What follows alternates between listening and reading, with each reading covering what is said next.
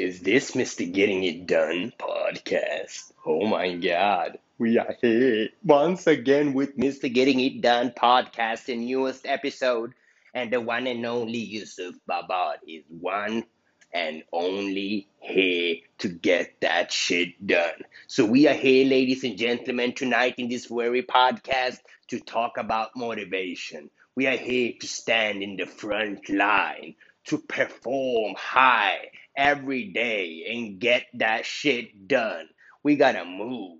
We gotta go. So, welcome to the first episode of Mr. Getting It Done podcast. Let's go.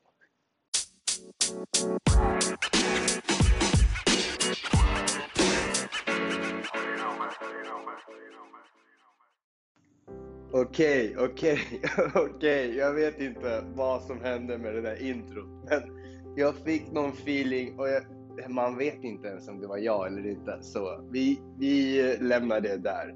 Men så här, jag vill välkomna er till den här podcasten. Eh, Get the job done podcast. Alltså det här har jag haft i tankarna att göra sjukt länge. Så det är sjukt kul att få göra det idag.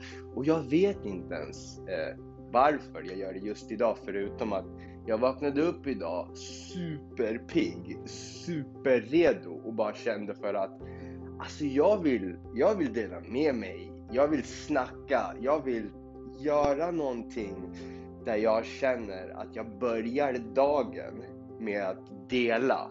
För att det sätter mig i en position där jag känner att jag är på väg i rätt riktning. Så är det för mig.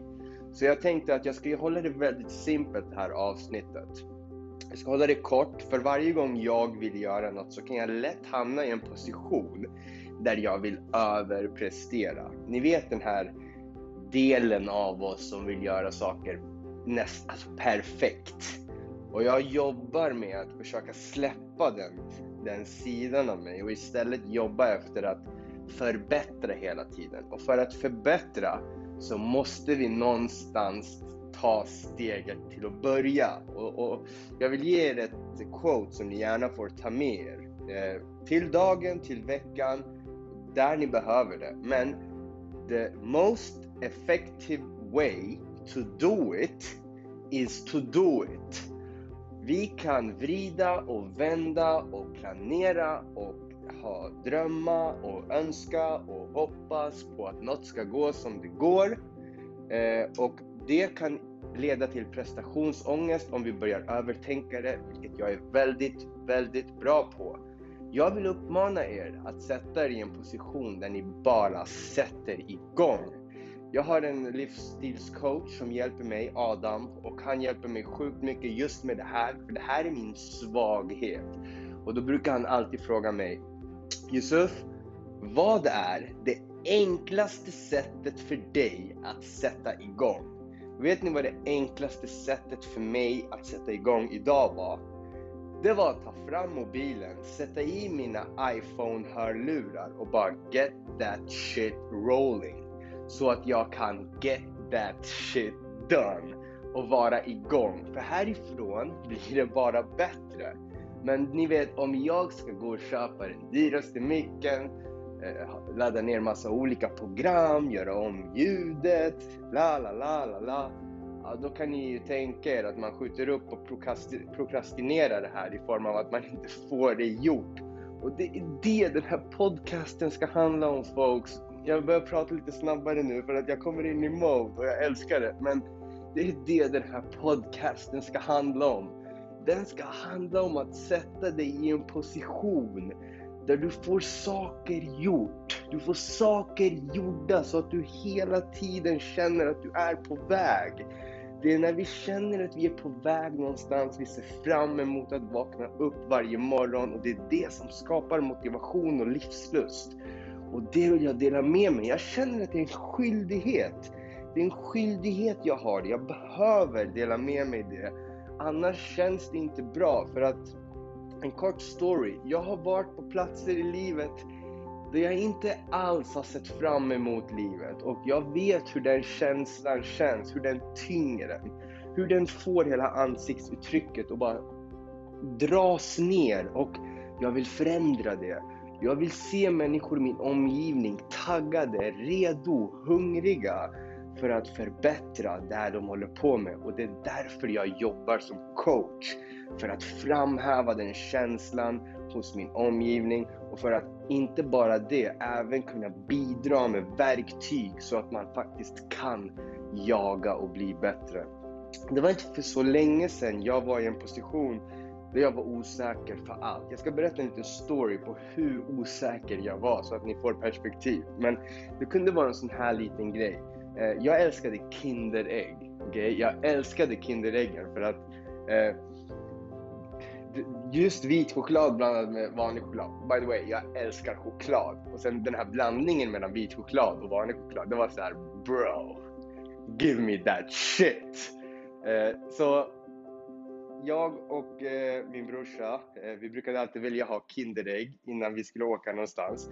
Så innan vi skulle ta bussen för att göra någon aktivitet på helgerna så brukade morsan köpa Kinderägg till oss. Och eh, jag var så osäker över mig själv att jag trodde att allt jag fick var sämre än den personen eller personerna runt omkring mig fast de fick samma sak. Jag hoppas ni förstår vad jag menar. Men jag till exempel fick då ett Kinderägg och min brorsa fick ett Kinderägg. Men bara för att det Kinderägget jag fick tillhörde mig så trodde jag automatiskt att det var ett sämre Kinderägg i form av att det smakade mindre bra och hade en tråkigare leksak inuti. Så jag brukade alltid efter ha fått Kinderägget, innan vi ens hade öppnat det, fråga min lillebror om vi kunde byta Kinderägg för att jag visste att hans skulle vara bättre. Så dålig självkänsla har jag växt upp med. Och jag har alltid satt mig i en position, eh, jag gjorde det alltid förut, där jag automatiskt hade det här, det här, den här tron på att jag var jag hade sämre förutsättningar för att lyckas än alla andra. Och det var för att jag hela tiden under min uppväxt fick bekräftat eller fick eh, placerat framför mig att jag inte var tillräckligt bra och att jag måste göra mer. Och jag ska, det fina med det här medan jag säger det är att jag kommer ju på att det är på både gott och ont. På grund av att jag alltid fick reda på det här så har jag ju också satt mig i en position där jag har vetat att om jag ska bli lika bra som alla i min omgivning så måste jag jobba dubbelt så hårt. Så det är väl det goda som har kommit ut ur det. Men det, det negativa som har kommit ut ur det, det är att den där känslan var inte nice att bära på. Och jag ser så många bära på den känslan att de associerar sig själva med misslyckanden och sämre förutsättningar. Vilket leder till att vissa faller i gropen om du fortsätter tillräckligt länge där man lägger sig platt och accepterar livet som det är istället för att vilja göra något åt sin situation fast man har den där känslan av att det inte 100% känns bra. Och så möter man, man, man möter inte livet utan man ser livet passera och gör bara de sakerna dag efter dag som inte känns 100%. Och jag säger inte att allt i livet måste kännas 100%. Absolut inte. Jag säger att vi behöver jobba, vi behöver sträva efter 100%. Och det kan vi bara göra när vi börjar tro. Det kan vi bara göra när vi börjar tro på att vi faktiskt kan komma närmare 100%. Men då behöver vi förstå att det finns jobb att göra det kommer inte komma gratis. Och det är det som enligt mig är livet. Att sträva efter det här och hela tiden försöka möta situationer och motgångar och framgångar och, och, och, och bryta ner dem till att eh, skapa ett liv där man är på väg någonstans. Och jag har sett till att bryta ner den här osäkerheten som jag gick och bar på under, under, min, under min uppväxt till något som jag kan dela med er av i form av inspiration och motivation. Okay?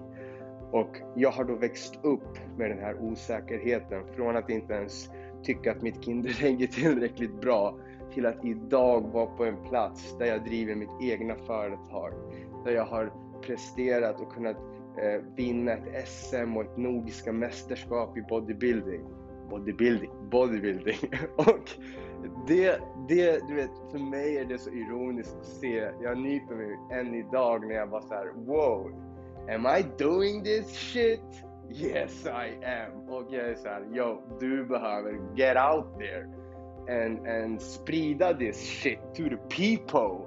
För att det finns så många som är som kan bli så mycket mer än vad de är utan att de vet om det. Och bara genom att du väcker den här, den här hungriga känslan inom dem kommer få dem att vilja ta steget. Och om den här podcasten kan vara något som framhäver den, det resultatet utav människor där man känner att fucking hell, den här killen han brinner för det här. Han, han har fan gjort jobbet, han gör jobbet och han, han erkänner sina svagheter och han berättar om sina styrkor. Jag kan fan också.